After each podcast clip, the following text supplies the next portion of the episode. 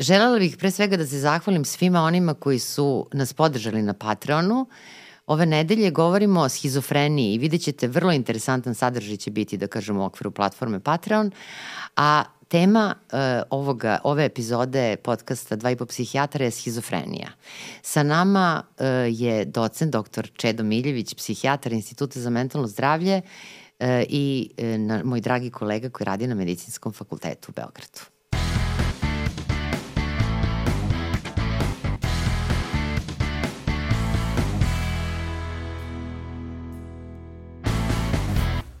Ja bih ovu epizodu počela jednom svojom ličnom tajnom, a to je u stvari da e, prvi kolega koga sam ja u svom životu upoznala na psihijatriji je bio kolega, moj dragi drug Čedo Miljević, docent na medicinskom fakultetu i lekar specijalista Instituta za mentalno zdravlje. E se sećaš našeg susreta? Kako bih zaboravio. Da, ja ću da budem... Hvala ti da tome, ovaj, da? zaista se sećam toga, to je bilo jedno divno iskustvo, uopšte uživao sam tada, kao i sada, da radim sa tobom. Da. Tako da, ali bilo je to specifično. Yes. Ja sam bio pri kraju specializacije, ti si bila na početku i to je zaista bilo vrlo Tako zanimljivo. Je. Lepo smo se tad družili. A kako je mladost nekako ima drugačiji odnos prema godinama, ti si meni bio stari, stariji kolega i sećam se uh, e, tog pitanja kad ti Olivera polažeš specijalistički ispit, ja kažem, u, ima vremena 2000. godine. Da, kako je pojem vremena relativan. Jest, da. jest. Ti si tada radio u Lazi, ja sam bila volonter na klinici, a evo sad smo zajedno i na medicinskom fakultetu, a ujedno i na institutu za mentalno zdravlje. Ali kada bi me neko pitao, recimo od kolega, psihijatra ili psihologa, koja ti je asocijacija na ime doktora Čede Miljevića, ja bih rekla, moja asocijacija je kako kolega Čeda, mladi lekar na specializaciji iz psihijatrije, ide Resavskom ulicom i nosi jednu ogromnu knjigu na engleskom jeziku koja je pisana o schizofreniji. Inače, samo prosto eto da pojasnim našim slušalcima, a to je da smo mi učili psihijatriju vremenu kada nije bilo literature kao sada. I internet. A tek, Vrlo važna stvar. Tako je, tako je, zbog toga nije bilo ni literature. To su bile one 90. godine. I sećam se tvoje ljubavi i tog oduševljenja što si imao tu knjigu u rukama, ali ono što je meni posebno drago, što taj entuzijazam i dalje u tebi postoji, kada je u pitanju psihijatrija generalno, ali evo odlučili smo se da danas pričamo o schizofreniji. Da, ovaj, da, hvala ti na ovome što se toga sećaš, što je zaista bio, bilo vrlo zanimljivo. E, da, ljudi danas, naše kolege, mlade specializanti, ne mogu, mislim da uopšte ne mogu da zamisle kako je to izgledalo bez interneta. Danas vam je sve do, dostupno manje više, ukucate nešto i beskonačno radova, knjiga, sve možete dobiti. U naše vreme, kao što se lepo rekla, mi smo zaista bili jedna zajednica, tako da kažem, povezani kad bi neko dobio knjigu, uspeo da nađe neki rad, časopis donosio sa kongresa, sa nekih putovanja, mi smo to delili i kopirali. Tako. I bili smo jako bliski. Sećam se, sa nama je tada na specializaciji bio i profesor, sada profesor Milovanović, Tako bilo je to još ljudi. Mi smo, on je jednom donao jednu psihofarmakologiju iz Amerike, to smo svi iskopirali. E, za tu knjigu Schizofrenija zaista je to bilo e, vanredno zato što su meni nabavili kolege iz farmaceutske firme. A, je li tako bilo? to je da. bio jedini primjerak te knjige u Beogradu. Pokojni profesor Paunović je bio oduševljen kad sam ja to dobio i bila je kod njega jedno mesec, dva dok se iskopirala. To je tako bilo vreme. Tako bilo vreme, jeste. E sada od tad, verovatno nisi ni sanjao šta ćeš sve umeđu vremenu i da pročitaš o schizofreniji, a pretpostavljam još više šta ćeš da naučiš od svojih pacijenata.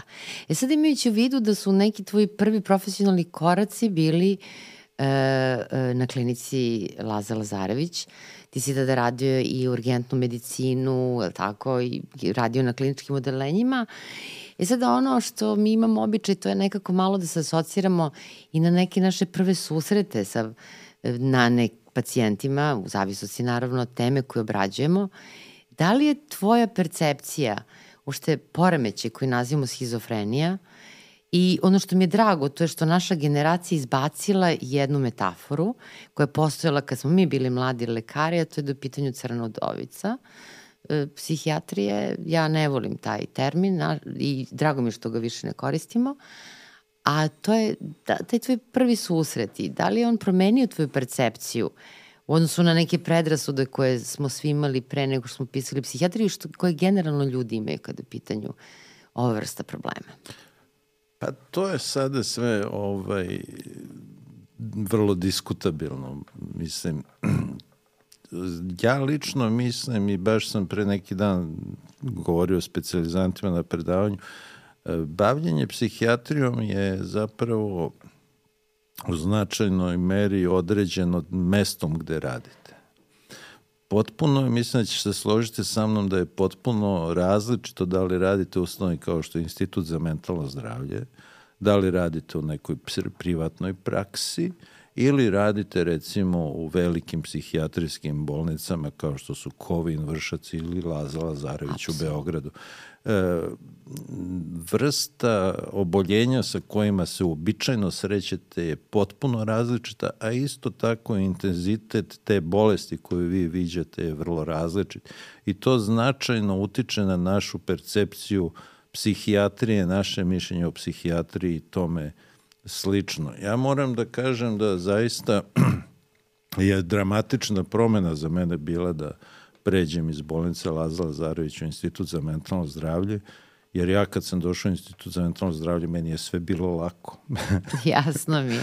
Zbog pacijenata, to su potpuno drugi pacijenti. Recimo, uh, ja se više nisam susretao nikad u karijeri sa delirium tremensom. Da, Ti znaš da, da su deliriumi da. jedno jako teško stanje, uh, ne samo za pacijenta i njegovu rodbinu, nego i za lekara koji ga leči. Često se, nažalost, završavaju smrtnim ishodom. To treba izneti, nije uopšte lako to uraditi, jel tako? Sresti se sa porodicom i reći da je njihov uh, član porodicu u svojim 50. i 60. godini ili 40. što se dešava, nažalost, ne samo u ovoj zemlji, nego svuda u svetu su statistike, recimo, da. delirijume takve da od toga umire značajan broj da. pacijenata.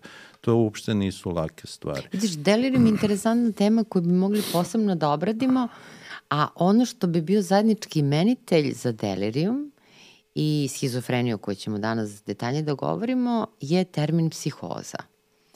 I sada često kažemo psihoza, a u stvari nikako da definišemo. Mislim na podcast naš, dva i po psihijatra, a nekako schizofrenija je prototip psihotičnog yes. poremeća. Yes. A zašto to kažemo da je prototip?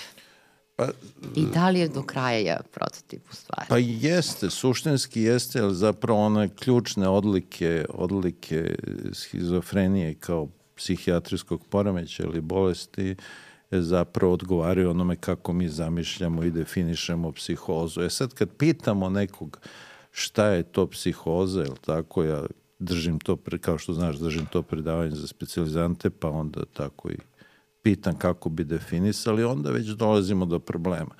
Problem sa, sa definicijom psihoze na po, na prvi pogled je taj što nema ni jednog jedinog simptoma, to je problem i sa klasifikacijom schizofrenije, što ti isto jako dobro znaš, je što nema ni jednog simptoma koji se javlja 100% kod svih pacijenata, je tako?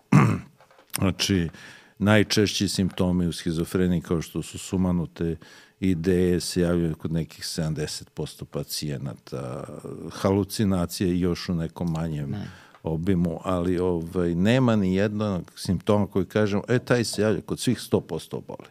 I onda se pristupilo jednoj, jednoj opisivanju psihoze koja zapravo ima jednu psihodinamsku konotaciju koja je razvijena od normalno Freuda i koja suštinski jeste istinita. Ovde sad moram da kažem, znam da si ti veliki ljubitelj književnosti i često pričamo o tome i veliki ljubitelj srpskog jezika. Ja moram da kažem da je, u srpskom jeziku je to jako dobro definisano za što mi svi zaboravljamo naziv prve psihijatrijske bolnice u Srbiji je bio vrlo jasan. Jeste. I možda najbolje objašnjavao koja je to vrsta poremeća.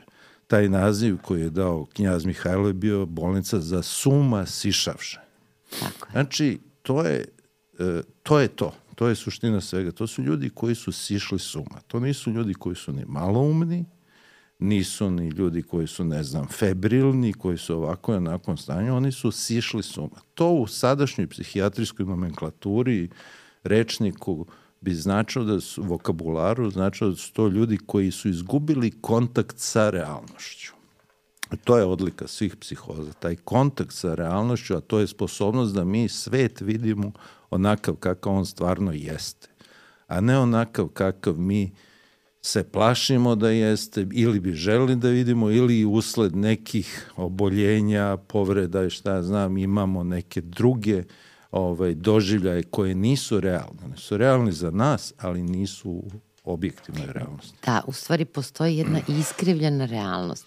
I sada, pojednostavljeno rečeno, dakle, da bi neko bio psihotičan, mora da ima dve vrste simptoma. Jedna si pomenuo, i o njima ćemo pričati jednim i drugima, sumanute ideje, a drugo su halucinacije.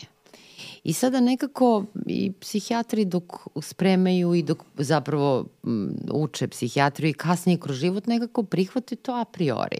Dakle, sumanuti ideje i halucinacije, susrećemo se sa raznim fenomenima, sa raznim simptomima, tegobama, znakovima koji nam takođe deluju neobično, ali ne zovemo ih psihotičnim, samo su manuti ideje i halucinacije i dugo sam se pitala zbog čega je nekako neko mudar smislio da su upravo to, da kažem, ta dva simptoma i u stvari ima vrlo logike.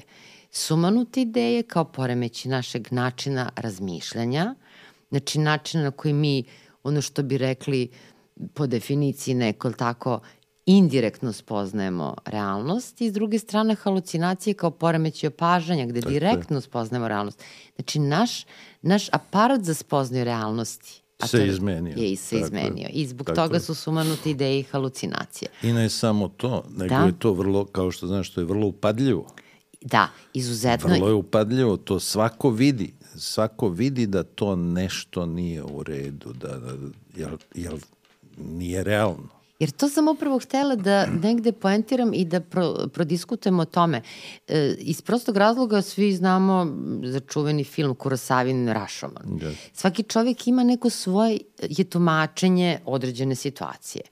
Ali to opet ne podrazumeva da je iskrivljena realnost. Tako je. I upravo je to poenta ovo što si sad počeo da govoriš. Način na koji oni doživljavaju realnost je ekstremno iskrivljen. Je ekstremno iskrivljen, da. jeste. Znači, uopšte u tom Rašomonu sam događaj nije diskutabilan da li se desio ili nije. On se desio, ali ga svako iz različite perspektive tumači zašto se on desio i šta je tu bio sadržaj svega toga. Ali događaj je potpuno jasan.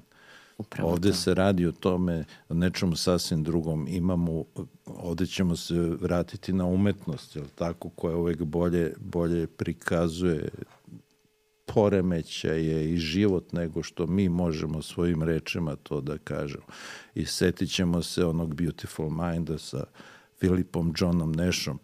E, znači, on je imao celu onu e, scenske halucinacije gde je on zadužen od cije za određene hvatanje ruskih špiona, samo da podsjetim, ali tako, a to se ništa nije desilo. Upravo Ništa to. od toga nije se desilo, on je to sve doživljavao kao realnost. Kao realnost. A ovde u Rašamonu događaj se desio, ali se različito tumači. I to je u stvari suštinska razlika, yes, da.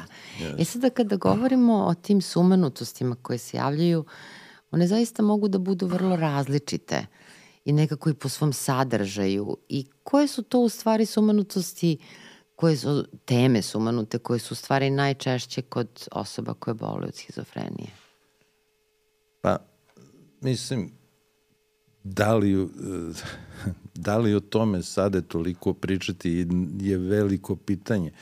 Ovaj, Po, normalno postoje dve glavne grupe kako ih delimo od tih sumanutih e, sadržaja koji se javljaju u schizofreniji u odnosu na recimo druge poremeće sa sumanutošću. Ove sumanutosti u schizofreniji su poprilično čudne, upadljive, same po sebi su uh, običnom čoveku nemoguće.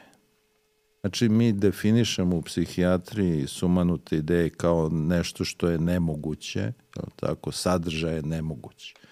Ali postoje sumanutosti čiji je sadržaj teoretski mogući. Nisu tako bizarne, mi koristimo taj izraz čudne. Naprimer, verovanje da mi je supruga neverna. To se dešava u stvarnom životu, to nije ništa čudno, je li tako? Ovde su ideje poprilično drugačije. Imam ideju da mi je ugrađen, da mi je zubar koji radi za stranu obaveštajnu agenciju gradio predajnik u zub. Bizarnost tih sumanutosti je poprilično velika. Imam ideju da me kontrolišu nekim talasima. To su neki klasični primeri koji se navode u, u literaturi koje srećemo.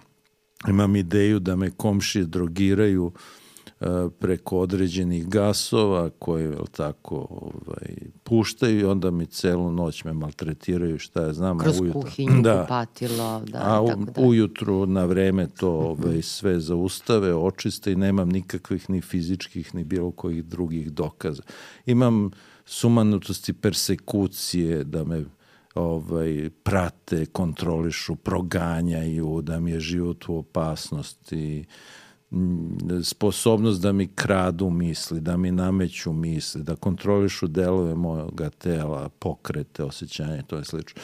Znači, neka, ono što je karakteristično zapravo za schizofreniju tim sumanutim idejama je bizarnost, bizarni karakter sumanutih ideja.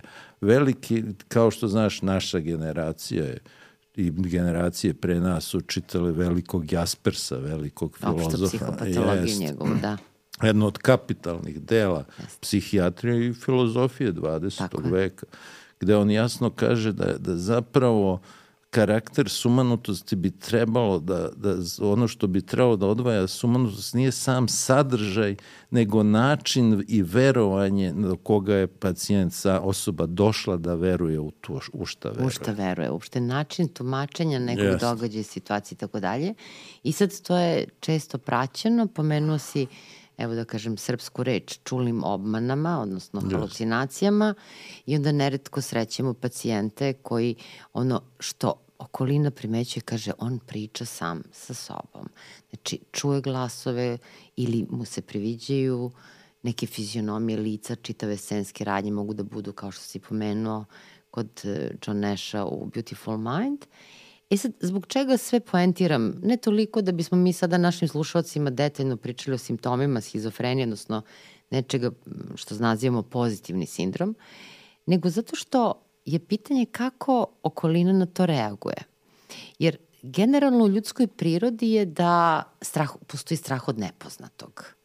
Dakle, kada neko ko nije upućen – u ovakva dešavanja se prvi put susretne sa osobom koja priča sama sa sobom ili koja pokušava nekog iz svog okruženja da ubedi da mu je ugrađen čip i da sve to i ovo sve što si nabrojao, ljudi neretko reaguju strahom. Da, e, to je normalno, ta reakcija potpuno si u pravu i taj strah ima e, velike posledice, ali tako?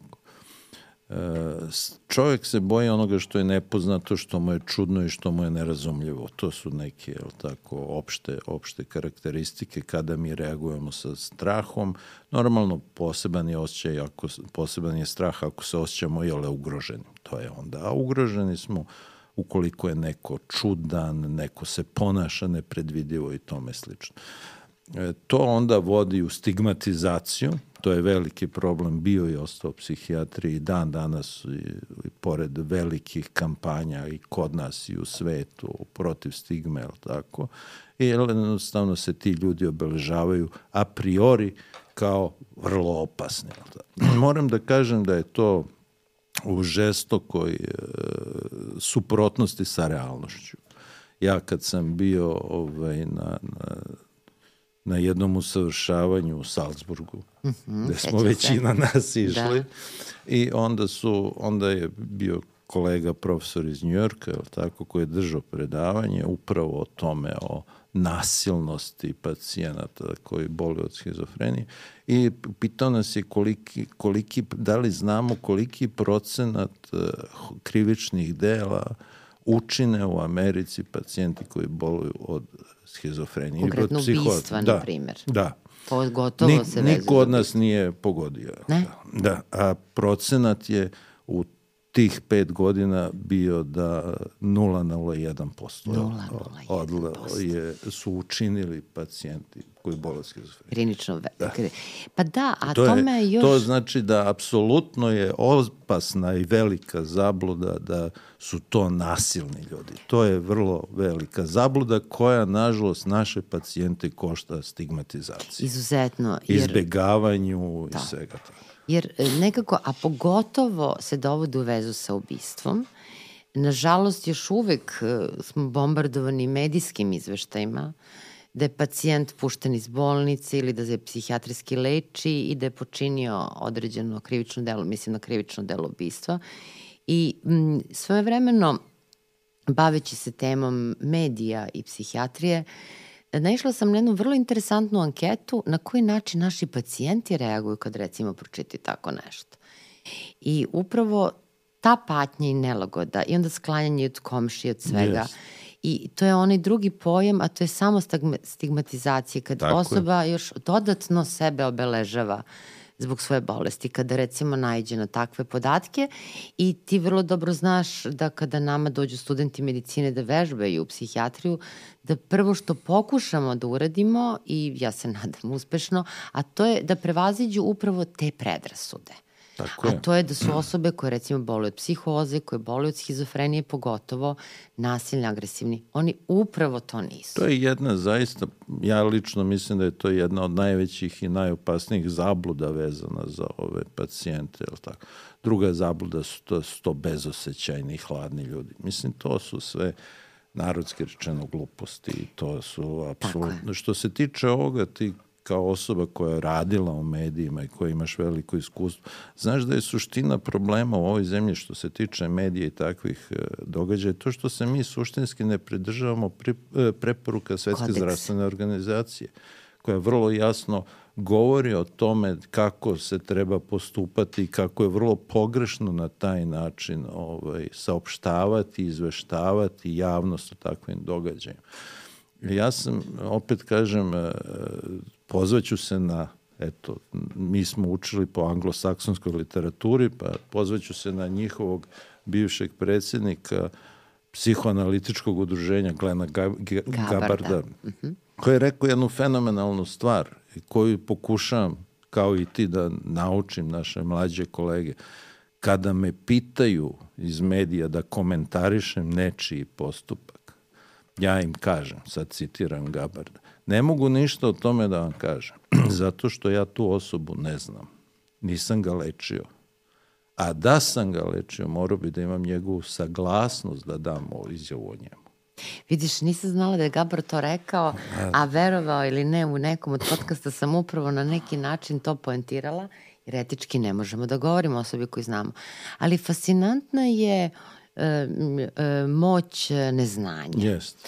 Fascinantna je moć neznanja. Izvini, samo sad Kaži, moram, kaži. ti sigurno, sad si me asocirala, ti, a siguran sam da ti to znaš, E, pa e, rađena su psihološka ispitivanja. Ljudi koji znaju su daleko nesigurniji u iznošenju svojih stavova nego na ljude koji ne znaju ili imaju poluistine. Kako, Down Krugerov efekt, vrlo je, popularan, tako je, da. Tako je. Što da. i bio je članak skoro, skoro pre godinu dana u politici o tome i bio je naslov samouverene neznalice. E, sjajno. E, upravo to.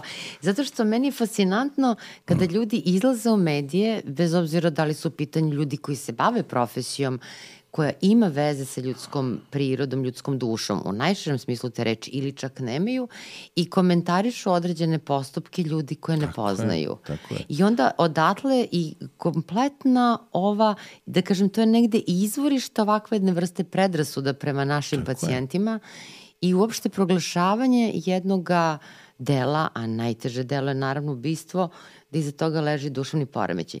Zašto to kažem? Ja nekako kad to studentima kažem, oni onako, znaš, prvo odreaguju verovatno i tvoji sa nevericom, a onda ih ja pitam, pa dobro kolege, istorija ljudske vrste, istorija ratovanja, to je inherentno ljudskoj vrsti, agresivnost je deo ljudskog bića i ne znači da on proizlazi iz patologije, naprotiv. Problem je, problem je što, je li tako, uh, danas uh, internet i mediji misle umesto nas. Da, To je po meni veliki problem, a to se direktno rezultira time da, da danas malo čita.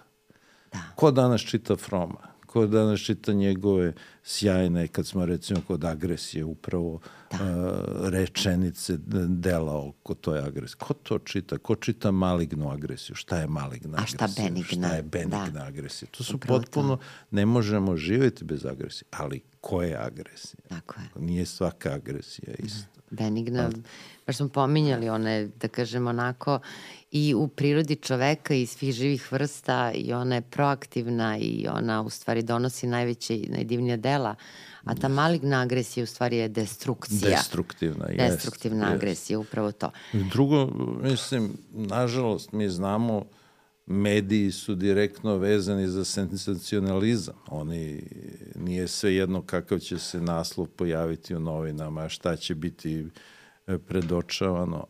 To je, to je upravo u suprotnosti sa onim kako treba postupiti u situaciji teških dešavanja, kaže.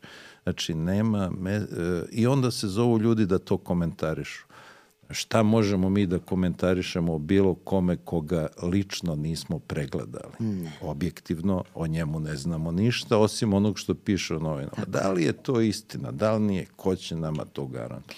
A drugo, pot- kao što si lepo rekla, potpuno je neetički da govorimo o nečemu koga nisam pregledao, a da sam ga pregledao, kao što Ka- kaže Gapert, mora bi da imam njegovu Tako saglasnost je, da to govorim je o tome. pitanje lekarske tajne. Jeste. E sad, zašto smo se mi to, ko- toliko fokusirali na medije? Zato što, recimo, u prethodnim epizodama smo pričali o nekim poremećima koji su daleko češći u opštoj populaciji.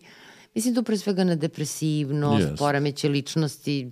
Vrlo dobro znaš da neke epidemiološke studije kažu svaka četvrta, neki svaka deseta osoba zadovoljava kriterijume za poremeće ličnosti, a schizofrenija nije tako čest poremećaj, jel negde jedan odsto Tako je, rizik, rizik u opštoj populaciji, U opštoj kao što populaciji. kažeš, je 1% i, I- I sad postoje neki džepovi, neki specifični geografski lokaliteti gde je nešto češće, ali globalno, u proseku. globalno je da. I onda nekako uh, je uh, kontakt sa, da kažem, tom populacijom na ovoj planeti ljudi u stvari nekada, odnosno ne redko kontakt ili preko kinematografije, medije i tako dalje. I zbog toga nam je to ideja da u ovom podcastu nekako malo ljudima približimo upravo ljude koji pate od schizofrenije, pre izvesnog vremena mi je bila moja pacijentkinja koja mi je donela fenomenalan album sa svog venčanja. Divno. Znaš li ti koliko smo se obradovale zajedno? I ti vrlo dobro znaš da mi imamo kabinet za perinatologiju da. U okviru koga vodimo upravo žene koje imaju čitav spektar različitih duševnih poremeća, uključujući i psihotične poremeće i schizofreniju. Tako je. I koje takođe, znači, grade jedan dobar život, kvalitetan život, e, udaju se, rađaju decu. Zašto da ne grade? Da, Uz to. adekvatnu terapiju nema nikakvog razloga, Da. tako da to ne bude tako. I To. treba, ja izvinjavam se, opet sam te prekrenuo, ja to i kažem svojim pacijentima, možete da radite i treba zapravo da živite kao i sva, svi mi, sa nekoliko izuzetaka. E, Da uzimate terapiju, da se trudite da imate uredan ritam spavanja i budnost. Spavanje je fascinantna stvar, izuzetno značajna stvar za ljudski mozak i za nas same. I da ne koristite droge i alkohol. To su neke tri po meni osnovne stvari i jedine u čemu se mi razlikujemo od naših pacijenta koji bole od schizofrenije. Sve drugo što mi radimo apsolutno mogu i oni, pa i svakako mnogo je bolje da imaju porodicu nego da nemaju porodicu. Kada si pomenuo drogu i alkohol, nešto što se često javlja u našim komentarima posle epizoda i stvarno nekako ostanemo dužni, to je ta neka priča o uzroku nastanka poremeća. Jer ljude to interesuje i prirodno da ih interesuje. E sada, koji su to faktori rizika da neka osoba odboli od schizofrenije? Pa mislim, meni lično je schizofrenija zaista fascinantna bolest, zato što se može tumačiti iz milion uh, uglova, dati milion različitih tumačenja o nastanku, o uzrocima, o posledicama. Ja ću početi od nečega što je meni lično je potpuno promenilo ovaj, shvatanje zapravo o samoj bolesti i zapravo pokazalo neki, na neki način koliko je to suštinska bolest čoveka kao, kao biće, kao ljudske, vr, kao vrste, kao, ajde da kažem, životinske vrste homo sapiens.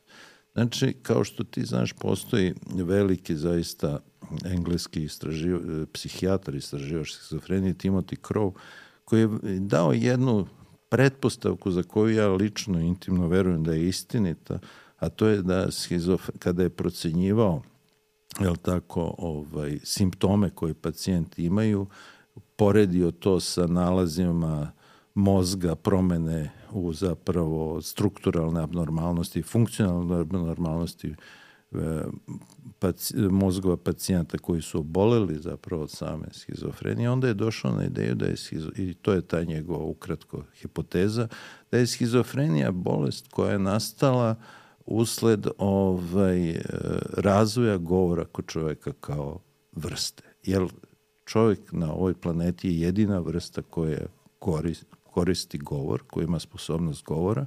To je potpuno nova filogenetski, evolucijona osobina. Ta, ta mutacija koja je omogućila razvoj mozga, tih delova mozga je normalno vrlo sveža i usputni produkt toga je pojava same bolesti u ovom smislu schizofrenije. To je i odgovor na pitanje zašto se schizofrenija tokom istorije ljudske civilizacije sama po sebi nije eliminisala, li tako, jel? Ako vi imate upravo tu priču da su ti pacijenti dan danas u 21. veku značajno stigmatizovani, a kako je onda bilo u 15. u 10. veku, koja je bila njihova mogućnost da tada budu dobri, da imaju porodicu, da bile su, je tako, značajno, značajno manje. Zašto onda jednostavno tokom svih tih vekova bole sama od sebe nije iskorenjena, ona je ostala u istom opsegu, u istom rangu rizika i danas kao i pre, ne znam, 200-300 godina. Da ne odlazimo dalje u prošlost. To je recimo za mene fascinantna teorija.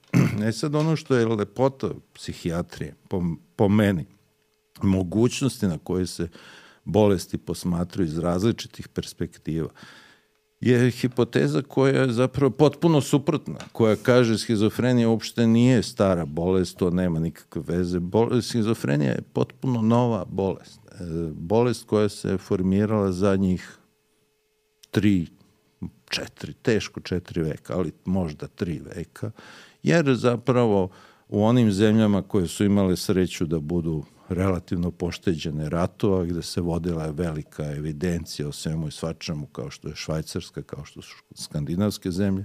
Kada se gledaju te evidencije ili tako opisi, praktično ne postoji opis e, stanovništva i pacijenata, osoba po, da bi po tim opisima mogli da govorimo da je se pojavljivala schizofrenija pre nekih 3-4 veka.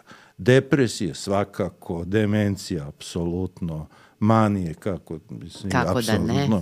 ali schizofrenije praktično nema. To je recimo naš veliki prijatelj Norman Sartorius je jedan od da. tih koji to apsolutno tvrdi, on je radio da. istraživanje u Švajcarskoj. Tako da je to sve beskrajno zanimljivo. Sada ne ulazimo u neke potpune spekulacije, imaju recimo časopisi Medical Hypothesis. Pa se sećaš kad smo čitali svoje vremeno, visoke štikle. Jest, jest. Visoke štikle su faktor rizika za nastanak schizofrenije, onda sunčeve pege, ali tako? Da, to, prof, Sećam se da si mi to doneo, taj rad. Da, da. Pro, pokojni profesor Damjanović je i ja smo se, i ti, smo Jeste. se uvijek šali. Meni je bila omiljena ta nazovi hipoteza visokih Štik. potpetica, štikli, Aha. a on je više volao on više volao sunčeve, sunčeve pege. Ali zašto je meni fascinantno u tom radu sa visokim štiklama, što pola rada istorijet e, razvoja štikli da, u modi, da, da, znaš, da, da, meni kao Kad ženi to, to bilo interesantno. Da. da. Međutim, ali znaš šta, ovde, ovo je fantastičan moment da poentiramo ne, dve stvari. Prvo si me asocirao pošto si naveo dve potpuno suprotne hipoteze o nastanku yes. schizofrenije, E, a to je koliko smo mi psihijatri stvarno tokom ove COVID pandemije bili imuni na dvosmislenost. Znači, stižu informacije s jedne strane, stižu informacije s druge strane. To je deo naše realnosti. Jer mi promišljamo i za i protiv. U ostalom, to je onaj Hegelovski princip, teza, antiteza, tako sinteza. Je, ne postoji apsolutna istina. A sa druge strane, ovo, kada si sad pomenuo upravo ove interesantne, egzotične i netačne, naravno da naglasimo da, odmah, hipoteze. Da, da, moramo da se ogradimo. da se to su, mislim, taj časopis, tu možete stvarno svašta da pročitate. Svašta da se pročita. Ja imam folder, to znaš, Ludi da, da. radovi da. u ostalom, gde čuvam. Jeste, jeste. To je baš za to, da. za lude radove. Imam čak između ostalog i patološko pijenje me, mleka i pa, patologija, e, zavisnost od šargarepe i tako dalje. Svašta se objavljuje u naučnim časopisima i zato je jako važan kritičan odnos. Dakle, kada neko kaže pročitao sam u radu tom yes. i tom i citira, e, mnogo je važno da čovjek ipak zna nešto što se zove način, metodologija naučnog rada, da uzorak i tako dalje, to je ozbiljna stvar, a ne sad pročitaš samo krajnji rezultat i dođeš do zaključka da čovjek može da bude zavisan od šergarepe ili da dobije yes, schizofreniju yes. jer nosi visoke, visoke štikle. štikle. Da, da, potpuno. Postoje, nažalost, mi živimo u vremenu u kojem i ti to jako dobro znaš, kao i svi mi koji se bavimo ovim nastavnim poslom, pa pišemo radove, moramo da ispunimo neke kriterijume, da. tako. Postoje broj, vrlo različiti časopisi. Postoje časopisi koji su san svakog od nas, je li tako? Tako je. Postoje časopisi koji su vrlo čisti, vrlo jasni. Nažalost, postoji dosta časopisa i jako ih je puno koji nas zovu da objavljujemo i gde se objavljivanje uh, e, plaća. Da. Znači tako. možete da objavite bilo šta ako to napišete ili konzistentno da bude na pristojno gramatički, ali morate da platite da. ovaj normalno ne možete porediti objavljivanje u takvom radu, u takvom časopisu, ali ako ne razmišljate o tome, nemate informacije, onda ćete zaista porediti i reći pa piše i ovo, zašto?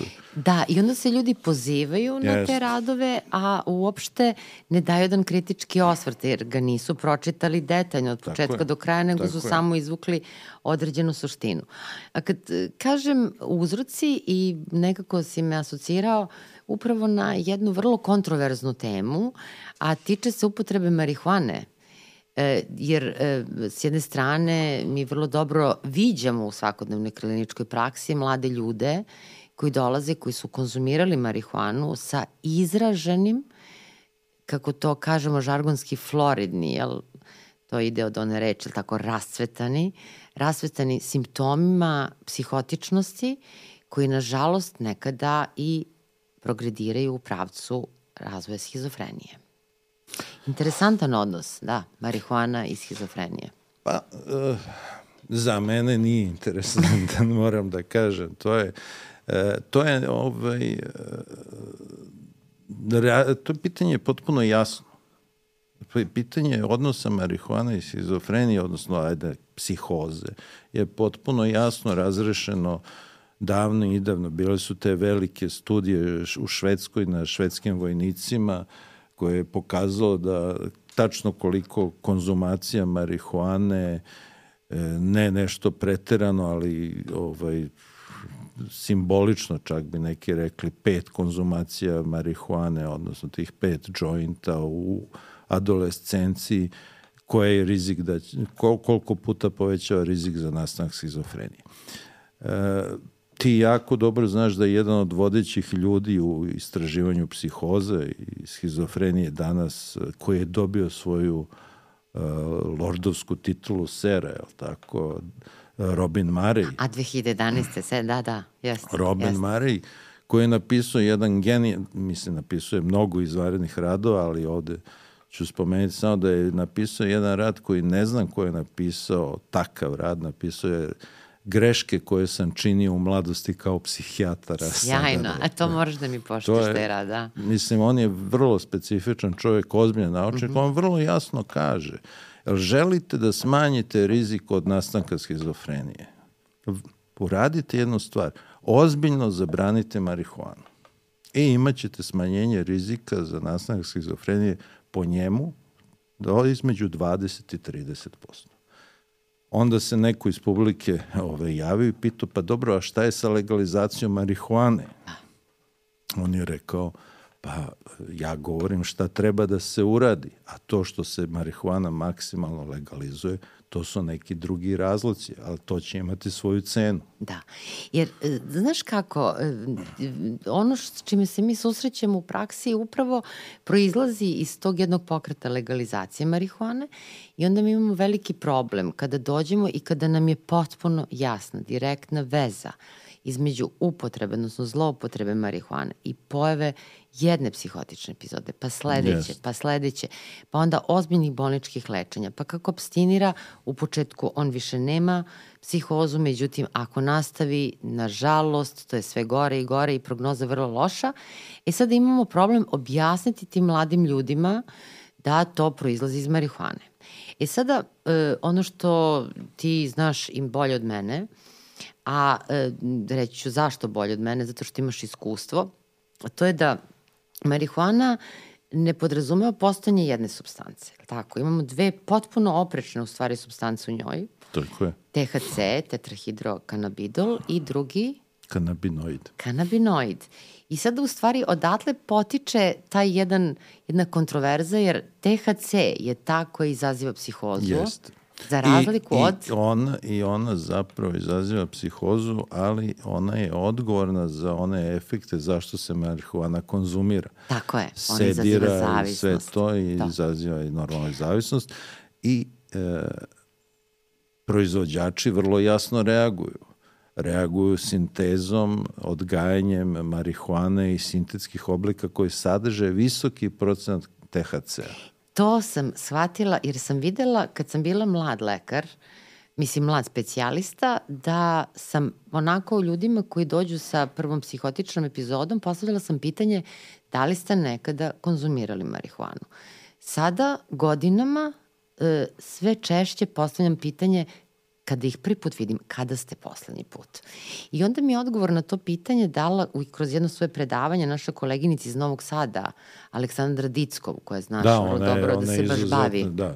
upravo time, jer je pokazala upravo ovo što ti govoriš, a to je da negde od 2005. 6. godine u tom čuvenom jointu ili kako god, yes se u stvari nalazi sve veća i veća količina THC-a i to sintetskog THC-a, I to je u stvari problem i zbog toga ti mladi ljudi su pod povećanim rizikom. E sad postoji ona druga strana, znači teza, antiteza, mm.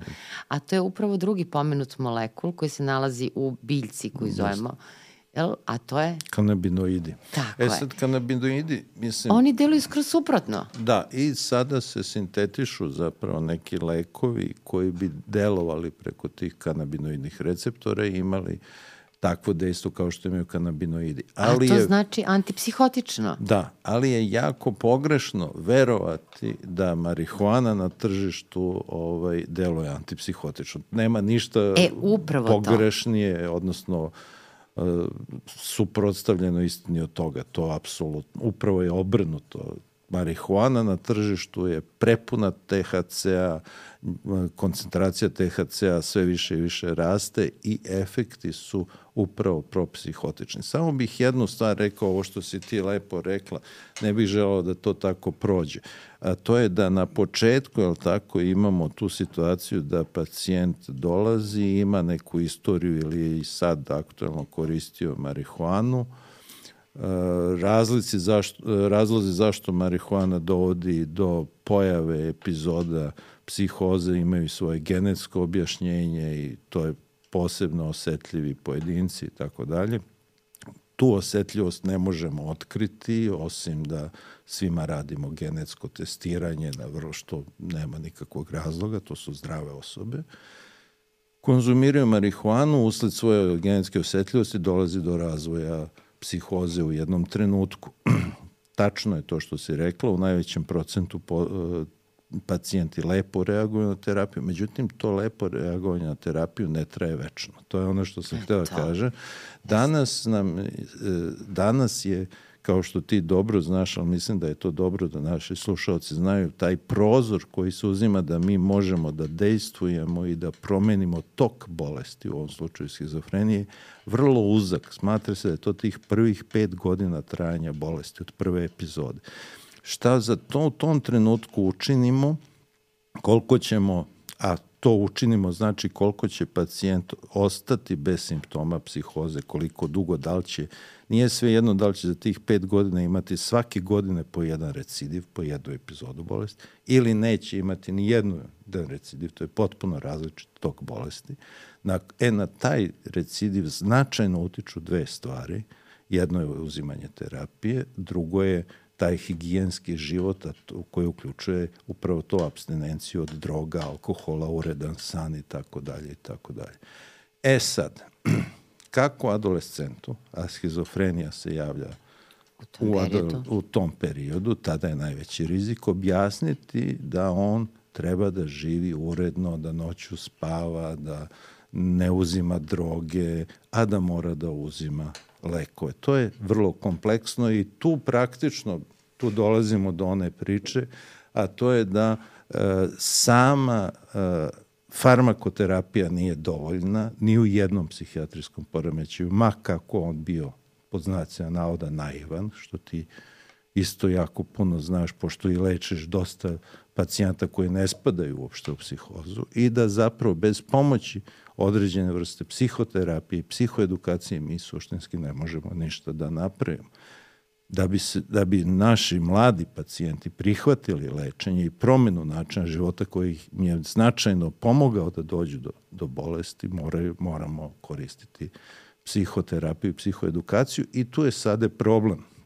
Takvih stručnjaka, takvih programa u našoj zemlji ima malo Uh, i to je veliki problem i kod nas i svuda u svetu. Je tako? Ali kažem ono što treba da zapamtimo, to je taj zlatni prozor, period. to je zlatni period, tako je, to je tih prvih pet godina. Smatra se da već posle pet godina dolazi do uspostavljanja stalnog obrazca bolesti i tu vrlo malo može ne, suštinski da se nešto uradi. S tim što ovaj, ovde bih imala potrebu ipak da apostrofiram da postoje ljudi kod kojih marihuana može da izazove tokom, el tako, delovanja neko prolazno psihotično yes. stanje, da odmah ne proglašavaju, da ne misle da je to schizofrenija, ne, može da bude samo prolazno stanje. Postoje takođe ljudi kod kojih marihuana može da zove prolazni psihotični poremećaj koji traje mesec dana recimo i ovo je treća u stvari grupa ljudi, je tako, kod kojih jednostavno postoji jedna biološka sklonost da mm. ukoliko konzumiraju, a nažalost apostrofiramo na tržištu je upravo ona prepuna tog THC-a yes. da izaziva psihotični poremeć. E sad, I samo koji se vremenom onda, rekao, onda razvija, ja, da. Samo bih na ovo rekao, ali sve te, ove tri grupe koje si ti ovako lepo rekla, uh, kad se podvuče crta za sve tri grupe marihuana je pogubna. Apsolutno. I uh, znači, apsol, to, to po meni nije prikaz recimo taj, ta osoba nije koristila marihuanu, ali koristila neke druge psihoaktivne substance, to je Sid Barrett, uvek to govorim svoj, na svojim predavanjima, nažalost prikazujem se Barretta. Bio je fantastičan film o grupi Pink Floyd i mislim da je dosta ljudi gledalo. Sid Barrett je za one koji ne znaju jedan od osnivača te kultne grupe, je tako? I u to vreme 60-ih ljudi su imali ideju da li kako, zašto, nije sad ni važno, da je moguće proširiti svoj um, jel tako, videti zvukove, čuti boje, stopiti se, ući u neka iskustva. Normalno uz pomoć raznih substanci. Te substance su bile ili halucinogeni klasični ili LSD. Marihuana se tu nije, to se podrazumevalo. Ona je opet mit to je manje škodljivo od alkohola. A to su one prve teorije, da, da o da. lakim i teškim drogama. Da. Jeste, što mm -hmm. apsolutno. Ko što je mit, da, naravno. Da, to je čisti mit. U svakom slučaju, Sid Barrett, koji je u to vreme bio izuzetno popularan i izgledao kao jedan seks simbol, je koristio LSD i počeo da doživljava psihotične epizode, nastavio sa time i za samo sedam godina kasnije on je već napustio bend, nije mogao da radi, da svira on je ušao, to je jako potresno prikazano u tom filmu, ulazi u studio gde oni sviraju muziku, sviraju svoj, pripremaju, snimaju svoj zapravo eh, jedan od kultnih albuma, niko iz benda ga nije prepoznao.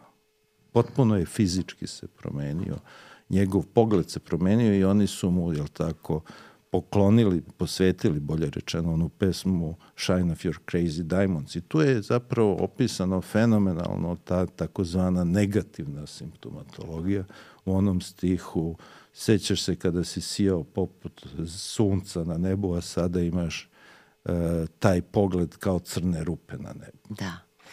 Pre nego što pređemo na taj drugi aspekt schizofrenija, to je taj negativni sindrom, imam potrebu da kažem da je veliki problem nama lekarima u komunikaciji s mladim ljudima, s adolescentima pogotovo, upravo zbog ovog prozelitizma i propagiranja marihuane generalno. A zašto to kažem? Zato što ne samo zbog propagiranja, nego i zbog njihovog neposrednog okruženja. Znači, oni primećuju, dođu kod nas, imaju problem, dakle, razvila se klinička slika psihoze, tako, ili je čak nažalost došlo do razvoja schizofrenije kao hroničnog i doživotnog poremećaja i sada ono gde nemaju poverenje prema nama, kad im kažemo da je to u vezi sa marihuanom, je činjenica da njihovi drugari oko njih nema isti problem. I onda Tako mi kaže pacijent, ali čekaj doktorka, ali zašto moji drugari to nemaju? Mislim, otkud ti ideja uopšte da je to meni od marihuane kada ljudi oko mene to nemaju? I pokušavala sam na razne načine, upravo što si ti sad rekao, kroz psihoedukaciju, da im pojasnim negde da su prosto, eto da kažem, izvukli pa da li svi imamo karte. plave oči ili nemamo, svi imamo zelene naravno, oči? Da, apsolutno nemamo, raz, ili različite smo visine. Drugo, generalno medicina e, je, da kažem, um, disciplina koja uh, koristi termine faktor rizika, dakle, neće dobiti rak pluća svako ko puši, jel? Tako što je. opet pušača ne je. zaustavlja da prestaje da puši. Nažalost, po onom starom dobrom principu neće valjda baš meni to da se dogodi. Međutim, kada se bolest dogodi, onda je sve jasno.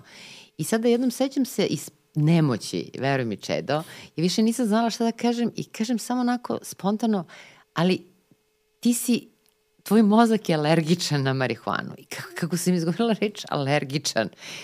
A kaže, alergija, a okay, onda razumem. Tako da sad koristim jednu metaforu u suštini, jer nije alergija, nego mozak je alergičan na marihuanu, ne bih li prosto toj, pro, tom procentu ljudi kod kojih postoji ta vrsta problema ovo pojasnila. To uopšte nije loša asocijacija, ali tako alergija je zapravo na neki način osetljivost ili osetljivost, preosetljivost. Da. Ovde zaista se radi o tome da usled određene genetike, usled promene na određenim enzimima, je tako zaista e, mozak tih osoba je osetljiviji na marihuanu nego to. E, drugih osoba koje nemaju tu takvu genetiku. I to je potpuno jasno. I, i tako da nije uopšte lo, dobro si ti to asocirala. Mozak je alergičan na marihuanu, tako je. Da. E sad, kažem, e, i oni kažu, ali ja sam se oporavio potpuno. Jeste, ali onda ja kažem, ali ovaj, ima, u srpski narod ima fantastične poslovice, to krčak ide na vodu dok se ne razbije. Da, da. Prvi put si se oporio, verovatno ćeš i drugi put se oporaviti ako bude. Šta će biti sa trećim, četvrtim, ne daj Bože, petim putom? Ako nastaviš da uzimaš svo to vreme, Upravo to. teško ćeš se vraćati posle da. četvrtog, pete epizode ako nastaviš da. ovako. Dakle, ne svi, ali postoje ljudi koji, kod kojih postoji ta sklonost i činjenica da ako mi kao psihijatri utvrdimo da to postoji, da zaista treba nekako tu da napravimo jedan dobar terapijski odnos i da im pojasnimo i da veruju da za njih lično, a ne globalno za njihovo društvo, to nije dobro. Drugo treba, izvini, treba uh -huh. imati još jednu stvar koju pomenuli smo, ali mislim da treba još da je naglasimo. Uh, ovo su mladi ljudi, ovo su adolescenti, njihov mozak se još razvija. Njihov mozak sazreva. Do 25. godine. Tako je, njihov mozak sazreva i e, to znaju dobro ljudi koji se bave bolestima zavisnosti. Bolesti zavisnosti kada počinju, kada se javljaju u adolescenciji. Zašto? Ne zato što je tada mogućnost da dođete do te droge najčešće. I ti i ja možemo danas da dođemo do droge, Apsolutno. do marihuane.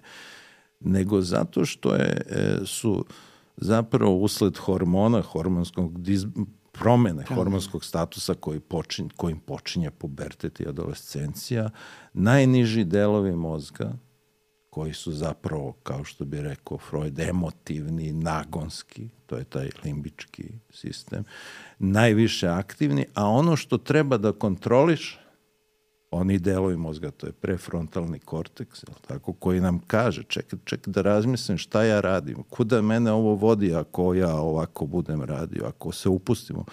On još nije sazreo i nije uključen u igru. Njegov razvoj traje upravo, kao što si rekla, 25. godine. Hoću da kažem, mnogo je lakše momku sa 19 godina da kaže čekaj idem na exit, pa što ja ne bih poneo jednom, dve ovaj, jointa tamo da se opustim ili uzeo neki THC, poneo kesicu i bit će mi super, neće mi biti ništa. Ne razmišlja recimo da je on u tom trenutku, na primer, govorim student, ja sam veštak pa imam i takvih iskustva. Da je on recimo student nekog pristojnog, nije bitno, studira bilo šta, imao sam i studente medicine. Šta će onda radi ako ga e, zaustavi milicija i nađe mu taj joint? Mm. On će biti okrivljen za posjedovanje, njegov, njegov život će se potpuno promeniti. On će imati krivični dosije sa Da. svojih 19 godina. To je dramatična promena. Sad ne govorim uopšte o efektima marihuane na mozak, nego govorim o ovoj činjenici da, da sa 19 godina zbog svoje nepromišljenosti, zbog ideje da ćete se opustiti na đavi što ćete pušiti neki joint, vi dobijete krivični dosije. Dosije. Da. Sad neko sa 40 godina će kazati, čekaj, ja radim sada kao psihijatar ili predajem, ne znam, u školi ili nije bitno, radim u kancelariji, a mene ako, ako dobijem krivičnu prijavu, ja ću izgubiti posao. Da, da. Moja budućnost se potpuno menja. Ali tu je, vidiš, i medicina, pogotovo psihijatrija, krajnje e, nekako e, nedosledna. Nedosledna, mi smo imali jednu epizodu o bolestima zavisnosti i mislim da tome treba posvetiti još puno Jeste. epizoda. Kad kažem nedosledna, zato što s jedne strane e, bila je koleginica koja je apostrofirala koliko je zavisnost bolest mozga, a sa druge strane ti ljudi i dalje u stvari e, su, da kažem, krivično i pravno odgovorni za svoje postupke, što je u totalnoj kontradikciji. Tako da ovaj, to je jedno posebno pitanje i posebna tema koja mislim da treba da posvetimo posebnu epizodu. Yes. Jer ako je već to tako, mislim zašto osoba koja boluje od demencije ima, da kažem, određene, ili tako, ipak olakšavajuće okolnosti, a osoba koja je recimo zavisna od nikotina, ona će morati da plati kaznu bez obzira što kažem u jednom od epizoda podcasta je apostrofirano to bolest mozga. Vrlo interesantno i uopšte da im da zavisnici imaju gubitak te takozvane slobodne volje kako su još stari francuski Jeste, autori tada- govorili. Da, Znači, ka, ti to zna, ti Da. predaješ i vodiš Da. da. subspecializaciju iz bolesti zavisnosti na fakultetu. Po, taj, postoji taj dramatičan e, promena kada zavisnost postane kompulzija. upravo to. Kada praktično nas tera da, pa osobu tera da uzima stalno. Ne sad iz želje za zadovoljstvom, nego iz pokušaja da izbegne one neželjene efekte abstinencije. Tako da u stvari mi ovim ljudima mladima treba da pomognemo da lečimo dva problema, jel tako? Tako S jedne je. strane, pogotovo ako se razvije zavisnost, jel?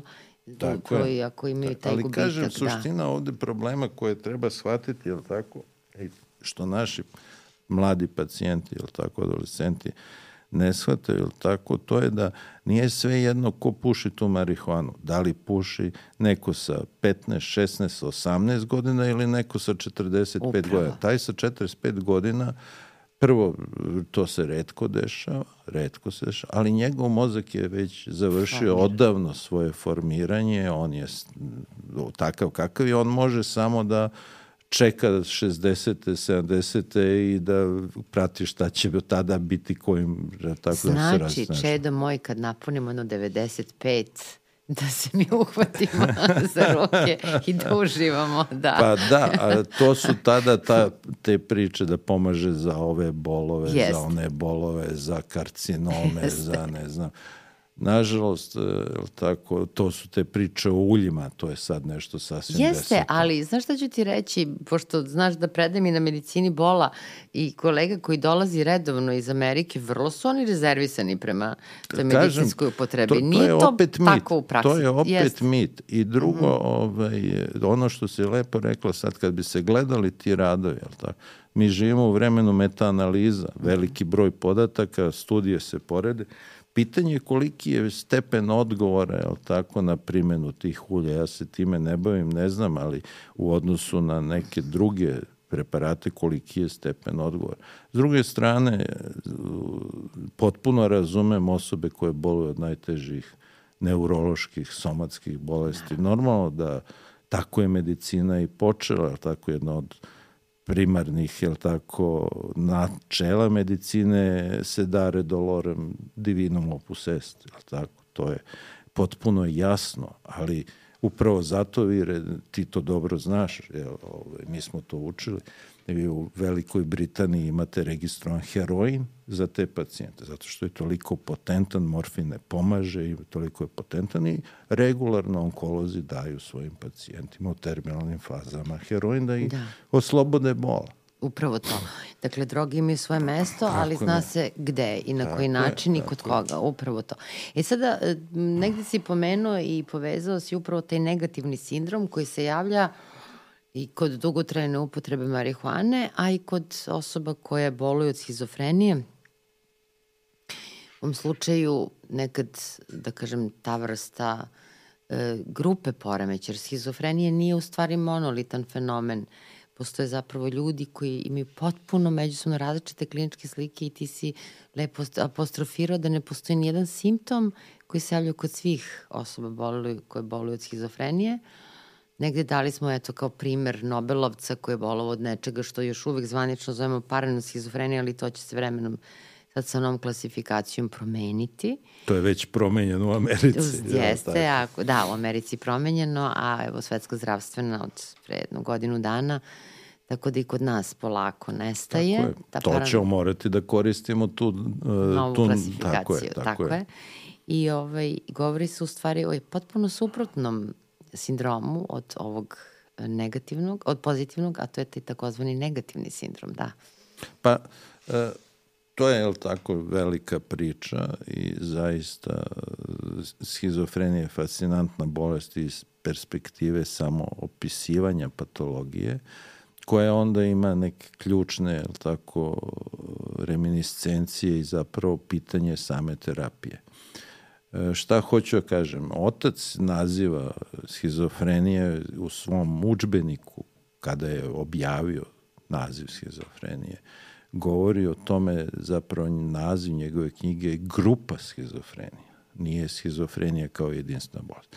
I dan danas je potpuno nejasno da li je to jedna bolest sa jednim etiopatogenetskim faktorom koja onda daje različite kliničke slike da li je to jedna bolest sa različitim etiopatogenetskim faktorima koje onda daju različite kliničke slike, ali je to jedna bolest ili je to više bolesti sa potpuno odvojenim etiopatogenskim faktorima, ali koje onda liče jedne na druge, a mi ovaj, usled nepre, ne, nemogućnosti da ih razlikujemo biološki, pre svega mi ih sve klasifikujemo kao jednu bolest, kao schizofreniju, zapravo se radi o vrlo različitim bolestima.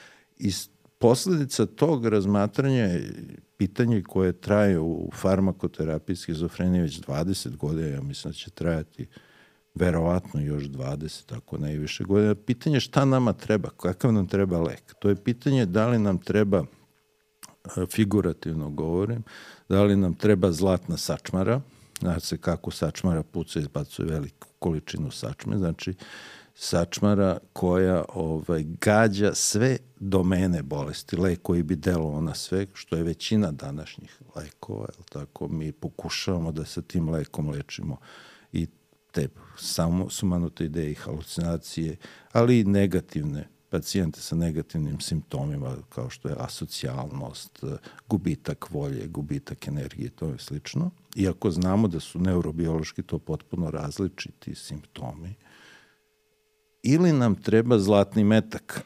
zlatni metak metak, jedan jedini, snajperski, koji pogađa tačno jednu neurobiološku neurobiološki poremeć i gađa samo određene simptome.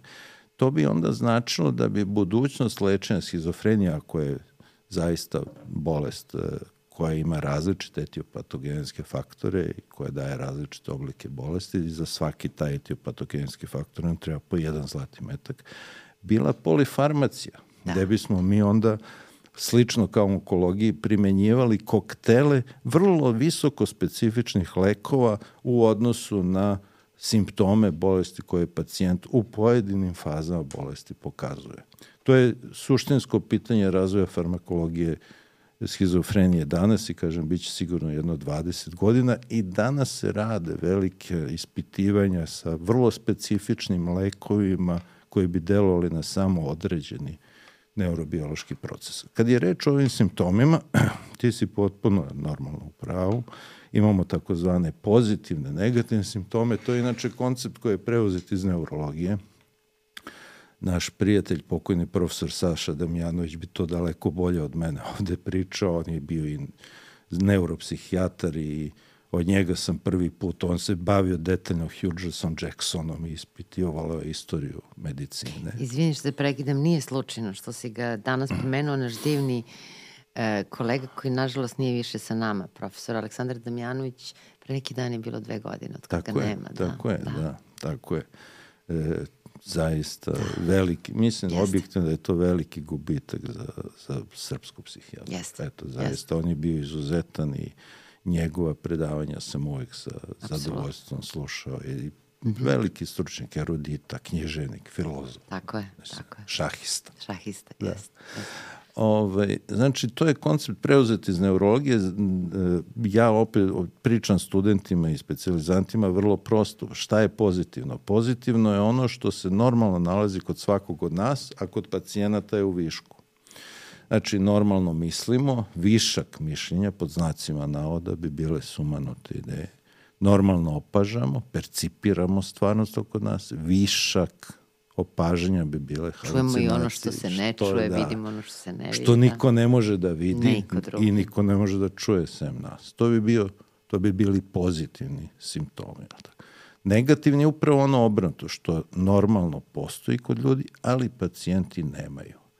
Normalno imamo osjećanja, normalno doživljamo zadovoljstvo, normalno imamo volju, normalno je da je čovjek socijalno biće, a ovde nema volje da bude ni sa kim, da upozna ikoga, da bude s bilo kim, nego mu je najbolje da sedi u svojoj kući, u svom stanu, da ništa ne radi, da je bez ikakve želje, volje, energije. To su ti negativni simptomi za koje, što je posebno interesantno sad, potpuno oprečno, da se vratimo na početak, ti pozitivni simptomi, svi ih vidi jer su padljivi, kao što si lepo rekla, rascvetani, floridni, kako mi kažemo i svi ih primećuju. Negativni, pošto nisu upadljivi, nego su šunjajući, ne privlače pažnju, njih redko ko primećuje. Tokom adolescencije kad se Tako bolest javlja. Redko da. ko ih primećuje, vremenom se shvati da ta osoba ne funkcioniše, da, nema, da ima ograničen opseg ili nema nikakvih interesovanja, nema nikakvih prijatelja,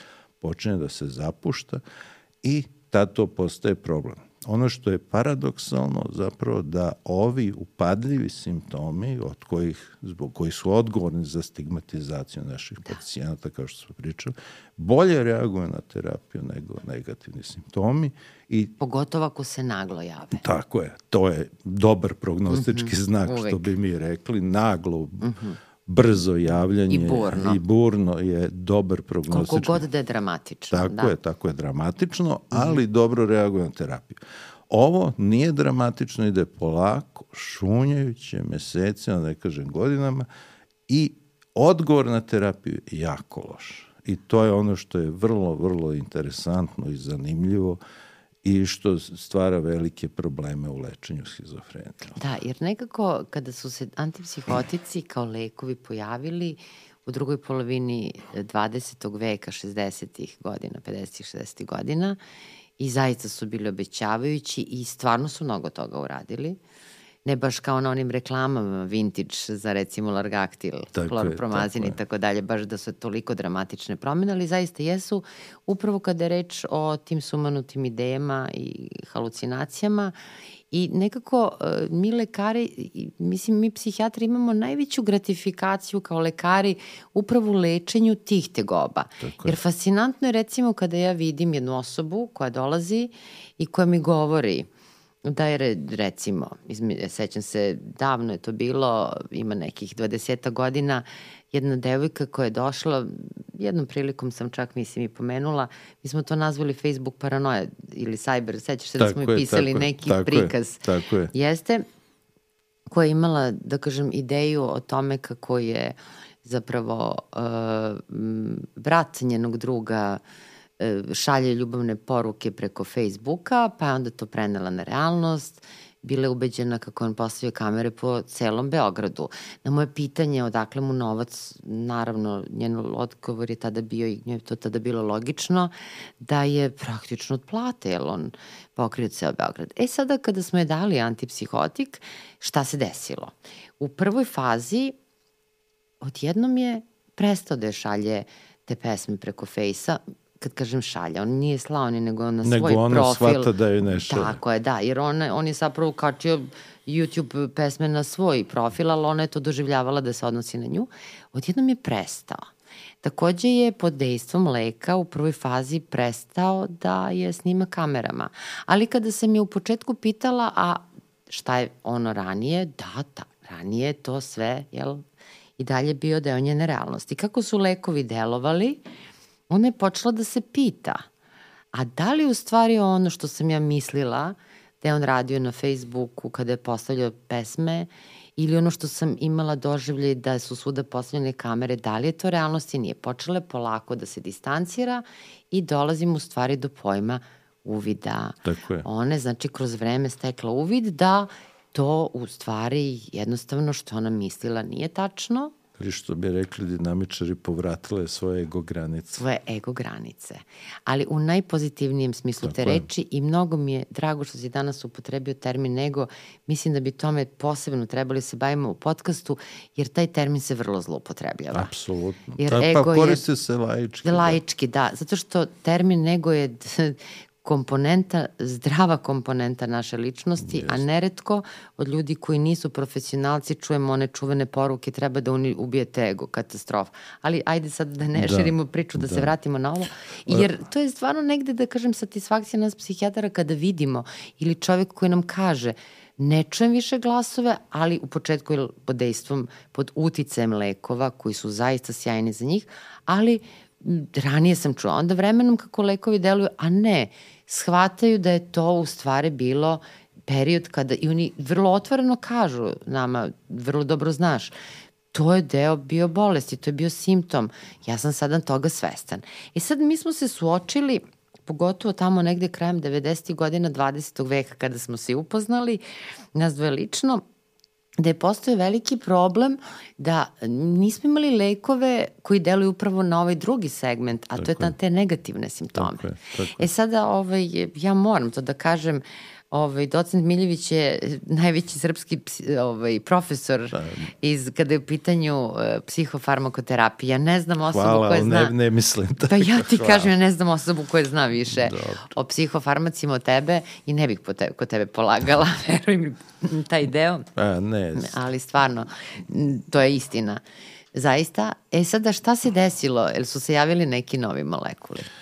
Uh, Pa da, normalno, ovaj, farmaceutska industrija normalno da, da ne spava, da nudi, da radi ozbiljna istraživanja. Moram da kažem da je psihijatrija jedna od grana medicine gde je ta saradnja bazične nauke sa farmaceutskom industrijom uh, krajnje plodonosno. Mislim, ja lično mislim da je to uvek plodonosno bazirati svoje istraživanje i razvoj lekova na bazičnoj nauci, a ne vidim ni kako bi bilo drugačije da budem iskren. Međutim, ovde je to zaista neophodnost i onim ritmom kojim bazična nauka eksperimentalna hipoteze, ispitivanja na laboratorijskim životinjama, na animalnim modelima, ispitivanja na zdravim pacijentima, na zdravim osobama, na, na našim pacijentima, razni testovi, sada da ne govorim, imaju i kognitivni testovi, mnogo toga, e, saznanja koje dostižemo iz bazične nauke omogućavaju omogućavaju razvoj i sintezu potpuno novih preparata. E, mi sada svakako, ti si lepo rekla, početak je sad već 70 godina prve sinteze antipsihotika, odnosno potpuno slučajno otkriće antipsihotika, koje jeste dramatično promenilo, promenilo ambijent i prognozu pacijenta koji su bolovali od psihoze. Kao što ti dobro znaš, do tada su pacijenti bili praktično u azilima. Možete Jeste. pročitati u, od Remarka Crni obelisk knjiga koja u književnosti nema neku težinu za psihijatriju, mislim da je izuzetna knjiga. Kako je to izgledalo? Ko jednom uđe u azil, teško je izlazio. Onda se pojavio hlorpromazin, onda cela serija tih lekova i e, odjednom se desilo ono što se nikada nije moglo pretpostaviti, pacijenti su počeli da se vraćaju kućama, je tako? I azili su počeli da se zatvaraju širom sveta. To je revolucionarna promena, to je onda omogućilo razvoj svih ovih psihosocijalnih tretmana i mnogo toga drugog što zaista treba da se radi sa pacijentima, povratak na radna mesta i sve to što danas imamo i sa čime se ponosimo globalno u psihijatriji. E, ostao je taj, pojavio se drugi problemi, jedan od tih velikih problema je tretman negativnih simptoma i normalno da se radi na sintezi novih molekula, konstantno imamo za zadnjih 20 godina je lansirano, ja mislim, sigurno jedno desetak novih preparata, ali sada smo na raskrsnici, to je moje mišljenje, upravo u ovome o čemu sam govorio, da li će se ići na globalnu sintezu nekih lekova ili će se pristupiti ovom E, metodu zlatni metak. Ja mislim da sada istraživanja koje vidim da se rade u svetu, nekima i mi participiramo, su više usmerena i polako se sve više usmeravaju i daju više nade u ovom pravcu zlatni metak. To je jedan, po meni, jedna linija budućnosti i onoga šta će se dešavati. Druga, možda još, još važnija, ali tako, važnija strategija lečenja o schizofreniji je prepoznati visokorizične, zdrave osobe. Pazite, sada ne govorimo o pacijentima, govorimo o zdravim osobama koje su visokorizične za nastanak schizofrenije. Naći načina da se kaže kod tih osoba koje su zdrave, koje pokazuju neke simptome, ali ne stalno i koje ne možemo ni u kom slučaju diagnostikovati ni kao psihotične, a pogotovo ne kao psihotične.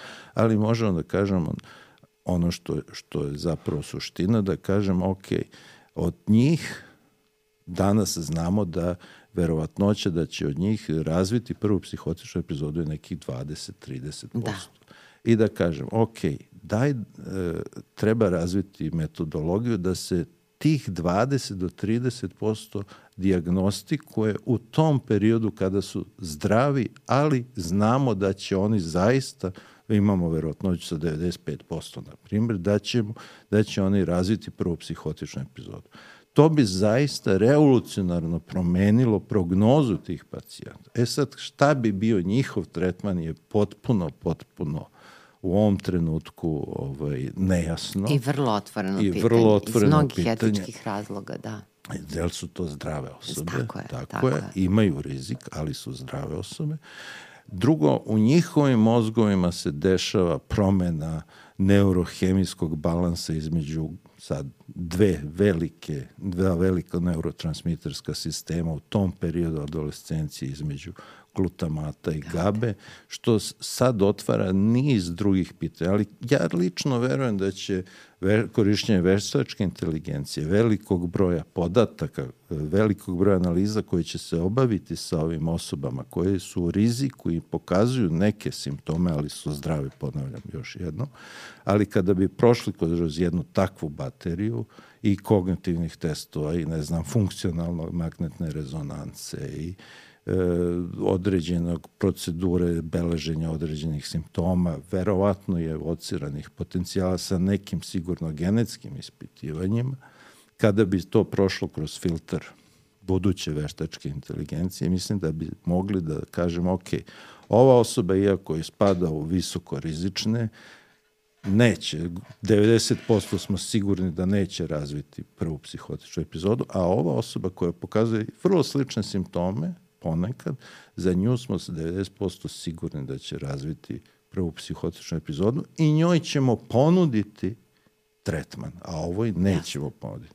E, toj kojom ćemo ponuditi tretman, ta osoba sa tim ponuđenim tretmanom koji tek treba da se sintetiše bi onda u tom trenutku dramatično promenila svoju budućnost i nastavljanje. Mislim da je to neka budućnost koja, koja će koja slediti za 10-15 godina. Apsolutno, koja je tu jako brzo i blizu, jer nekako ovaj, otvorio se jednu važnu temu koja se, da kažem, gotovo sada nekako u medicini i u psihijatriji svakodnevno uh, jedan pojam koji se koristi, a to je takozvana e, personalizovana Tako je. medicina, ali imamo utisak, prosto iz nekih neformalnih razgovora, da ljudi ne shvataju do kraja šta to znači.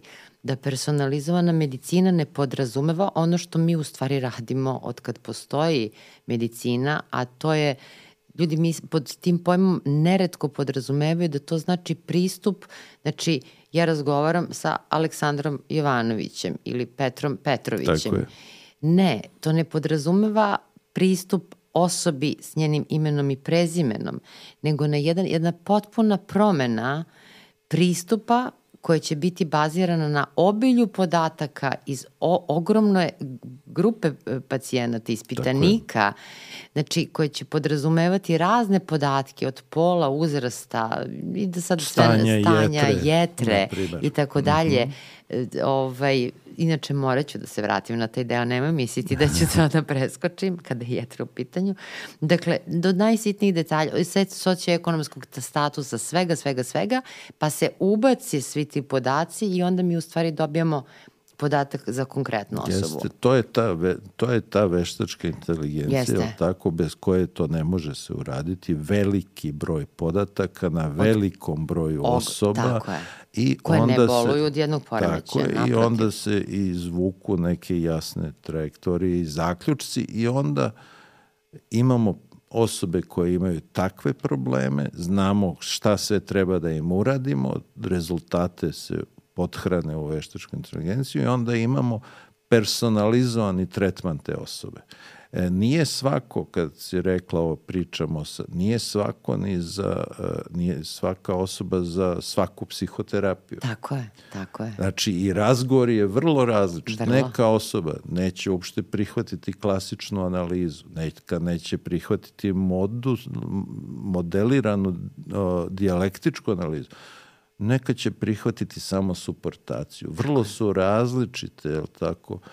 Ima preko, tri, ti znaš, ima preko 300 i nešto psihoterapije i nije svaka osoba, za, bolje rečeno, nije svaka psihoterapija za svaku osobu. Kao što ni svaki psihijatar nije za svakog Apsolutno. A tek lek, A tek nije lek. svaki lek e, za svakog. Nije slučajno, veruj mi, ovo je, da kažem, podcast, odnosno epizoda našeg podcasta Dva i psihijatra u kojoj smo najviše pričali o lekovima, nije slučajno.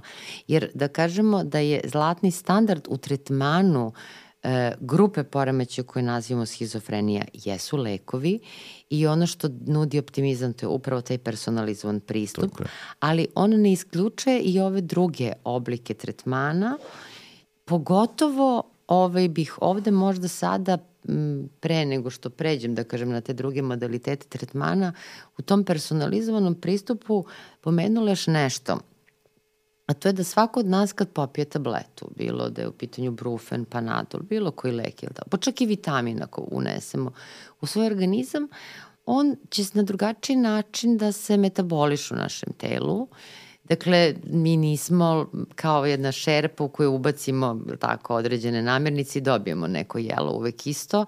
Ljudi različito reaguju na isti lek. I to ljudi znaju iz svakodnevnog životnog iskustva. I ti si u stvari na jednom velikom projektu zajedno sa kolegom sa farmaceutskog fakulteta, sa kolegom Marinom Jukićem, vi sarađujete u stvari sa Karolinska institutom. Jeste, on je tamo profesor. On je tamo profesor i dobili ste nagradu u rektoratu Jeste. našem prošle godine, a upravo na, uh, bavi, bavite se istraživanjem tog segmenta personalizovanog pristupa koji podrazumeva na koji način određeni lek kad se unese u naš organizam, koliko se mi razlikujemo u pogledu Tako. čega. U pogledu zapravo usled različitih gena koje imamo, naša jetra ima veliki broj enzimskih sistema, a ti enzimski sistemi različito rade u zavisnosti od genetike koju imamo, najjednostavnije rečeno samo ću da kažem našim slušalcima da si ti deo tog projekta, da ne bude da je to, da je, da je sve samo ja. I Dobro, ti si, i ti si u da. tome. Da. I ovaj, to je jedan deo zaista vrlo važne personalizovane, dela personalizovane medicine, znači pot, nije sve jedno da li sam ja ultra brzi metabolizer, normalan metabolizer, spori metabolizer. U prvom slučaju date mi, na primer, 10 mg leka, ja ga ultra brzo metabolišem, ja ga ni ne osetim. Date, ja, ti si, na primer, spori metabolizer, dobiješ 10 mg leka, ti ćeš imati gomilo neželjenih efekata. Znači, meni treba 20, a tebi verovatno treba 5. Da. Ili možda 2. To je sad Tako pitanje. Je. I to je ta personalizovano lečenje. Znači, potpuno, nažalost, to se rutinski ne radi i proći će godine dok to uđe u rutinsku kliničku praksu, ali to je jedan bitni aspekt, le, e, bitni aspekt budućeg lečenja svih psihijatrijskih, pa ne samo psihijatrijskih u medicini u. Apsolutno, da. E, kad smo, o, kad smo o, o lekovima i primjeni lekovi u schizofreniji i uopšte o psihijatriji, ja radim mnogo sa lekovima, to je istina. Međutim, uvek kažem, lekovi su osnova na kojoj zidamo naš tretman. Kad gradimo kuću, zidamo je od temelja, ali ne stanemo na temelju. Od prilike je tako sa lekovima u psihijatriji. Lekovi su osnova da bismo radili dalje i da bismo išli ka zalečenju. To je posebno izraženo u schizofreniji, ali isto tako je izraženo u depresiji. I kad svojim pacijentima koji boluju depresiji ponudim leko, oni kažu, pa šta sad, ja ću početi naglo da se smejem. Nećete početi naglo da se smejete i neće onaj koji u depresiji zbog gubitka, na primjer, bliskog člana porodice sad postati veseo i zaboraviti šta Tako se desilo. Ne, dobit će energiju, dobit će volju da se nosi sa tim bolom i gubitkom i da onda radi određenim modalitetima psihoterapije da progura taj i prihvati taj gubitak i nastaje sa svojim životom.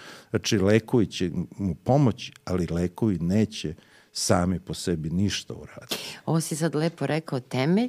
E sada kada se zida kuća, odnosno kada se zida dom, u tom domu živi porodica. Tako je. I u stvari koliko je porodica osobe koje boluju od schizofrenije važna?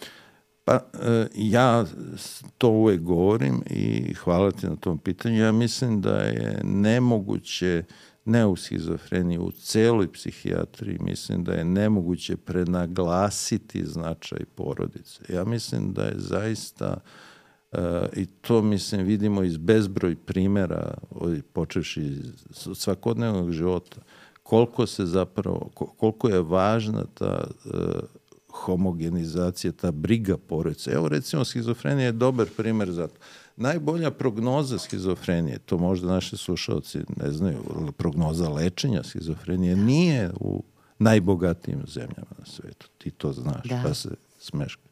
E, naj, što je potpuno iznenađujuće. Znači, najbolja prognoza nije u Americi, nije u Engleskoj, ne znam, Nemačkoj, kako god hoćete.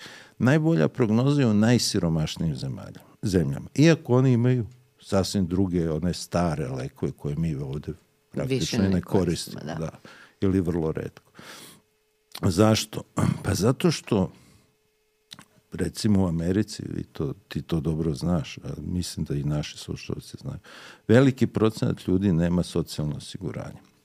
razbole se, e, gube posao, porodica ih relativno brzo e, odstrani, prestane ta podrška, prvo od porodična, onda i od društva, socijalna podrška, i oni završe kao beskućnici. Tragična sudbina. U najsiromašnijim zemljama, to je onaj divan film koji si mi ti preporučila, kako se zove, švedske? E, te, e, e, švedska teorija ljubavi. Tako je, to je, to je ovaj fenomenalan Mnogo film gde je jedan veliki, gde je jedan dobar švedski hirurg koji je otišao da radi u, u Etiopiji, u Etiopiji, objašnjava zašto je uradio to, a nije uživao u svojim milionima u Švedskoj. Jest, I kako jest. je sad daleko srećniji. Jest. Znači, u tim najsiromašnijim zemljama sveta, oni nemaju bogatstvo, nemaju tehnološke metode, nemaju najnovije leko, ali imaju porodicu. Porodica drži pacijenta, porodica se brine o svom bolesnom članu, porodica ga ne dopušta. Ne dopušta mu da propadne.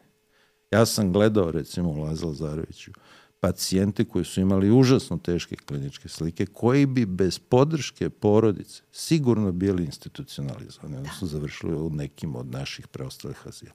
A gledao sam, nažalost, i obrnuto, pacijenti koji su imali dobru kliničku sliku, dobro reagovali na terapiju, međutim, tenzije unutar porodice su bile takve da su one ispadale ona nevina žrtva preko kojih su identifikovani pacijenti čuvena, da. pri, čuvena teorija. Da žrtveni jarac takve jedne netrpeljivosti međusobne članova porodice, da su zapravo usled toga su im se dešavale sve veći i veći broj ovaj, relapsa i ponovnih epizoda bolesti i jedna dobra prognoza se često završavala vrlo lošim ishodom. Tako da je porodica izuzetno važna.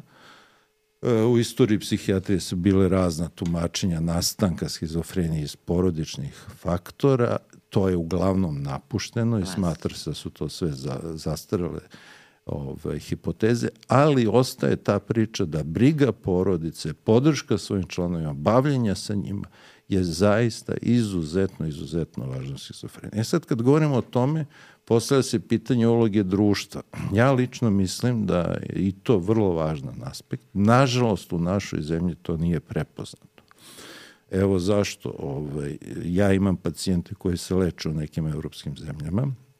Kod nas kako se procenjuje radna sposobnost? Ili je sposoban da radi 8 sati, ili nisi sposoban da radiš pa, ni 8 taman kada smo se mi upoznali, kada smo pisali specializaciju, tada se desila ta tako promena. Je. Sećaš se, ranije je bilo ono da tako. da ljudi mogu da rade 4 sata, a sada e, više, to rec... je znači od 96. neke, tako, tako je. E, recimo mm -hmm. u Belgiji U Belgiji možete da radite sat vremena, možete da radite dva, možete da radite četiri, možete da radite osam sati. Da li ima smisla da neko radi sat vremena? Ja mislim da i tekako ima smisla. Evo zašto. Uzmimo da pacijent boluje upravo od schizofrenije. Pa nije to samo sat vremena posla. Treba ustati, Struktura, treba se da. spremiti, treba otići tamo, treba tamo komunicirati sa članovima kolektiva, treba obaviti taj posao i treba se opet vratiti nazad i sve to. Znači, to je, to je nešto što stimuliše vaš mozak da radite, ali tako? To je ta socijalizacija, razvoj kognitivnih sposobnosti, koje mi uzimamo zdravo za gotovo. Ali ako bismo se zatvorili u svoju kuću, mesec, šest meseci, godinu dana, onda bi imali... Idealno pro... zdravi. Tako je, tako potpuno je. zdravi. Tako to je, je nažalost...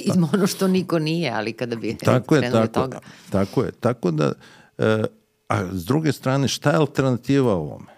Alternativa da sedite kući i gledate u zid, gledate u televiziju i ničim se ne... A vrlo dobro znamo da najgora kazna kada je neko u zatvoru i kada u zatvoru počini prestup jeste odlazak u samicu.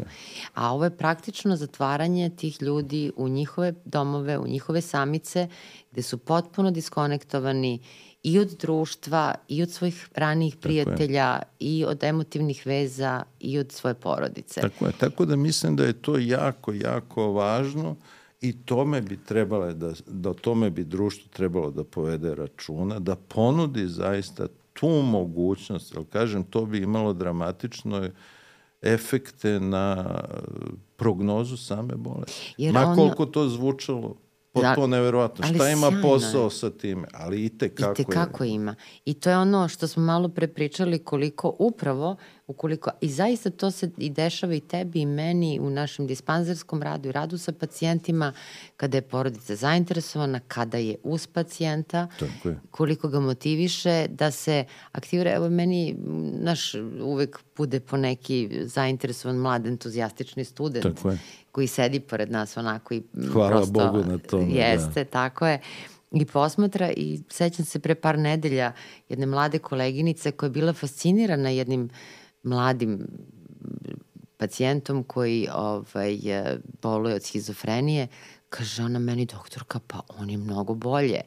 I to je to kad mladi ljudi vide Jest. i kad prepoznaju koliko, a veruj mi, zahvaljujući porodici. Pre Jest. svega zahvaljujući porodici koja je u, u, da kažem, uključena u njegov proces lečenja, u strukturu njegovog dana i ti vidiš jednog mladog čoveka koji je prvi put došao, veruj mi, uh, pošto sam ga ja nasledila od našeg legendarnog doktora Gajića, da. koga moramo zvati u podcast iako je u penziji, ovaj, on je nekako ovaj, došao je upravo sa predominantnom tom negativnom simptomatologijom, bio jako povučen, nekako, e, da kažem, bezvoljan, bez inicijative i došli smo do faze da je on došao onako topao, prosto došao je sa inicijativom, ali sad tu se opet postavlja pitanje, kaže on meni doktorka, ja bih da radim. Tako ali kako će oni mene da posmatraju tamo?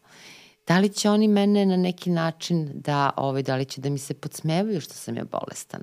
I koliko je tu važna edukacija ne samo studenta medicine, nego i šire javnosti upravo ovome i zbog toga mi je bilo važno da danas dođeš i da razgovaramo da su to ljudi koji pre svega nisu opasni, naprotiv, Tako je. koji jako mnogo pate upravo zbog jest, problema jest. koje imaju, a čiji potencijali mogu da budu izuzetno visoki i ukoliko upravo i, i jaki i da kažem i visoki i intelektualni i kreativni i ostali potencijali i ukoliko im ne pomognemo na vreme.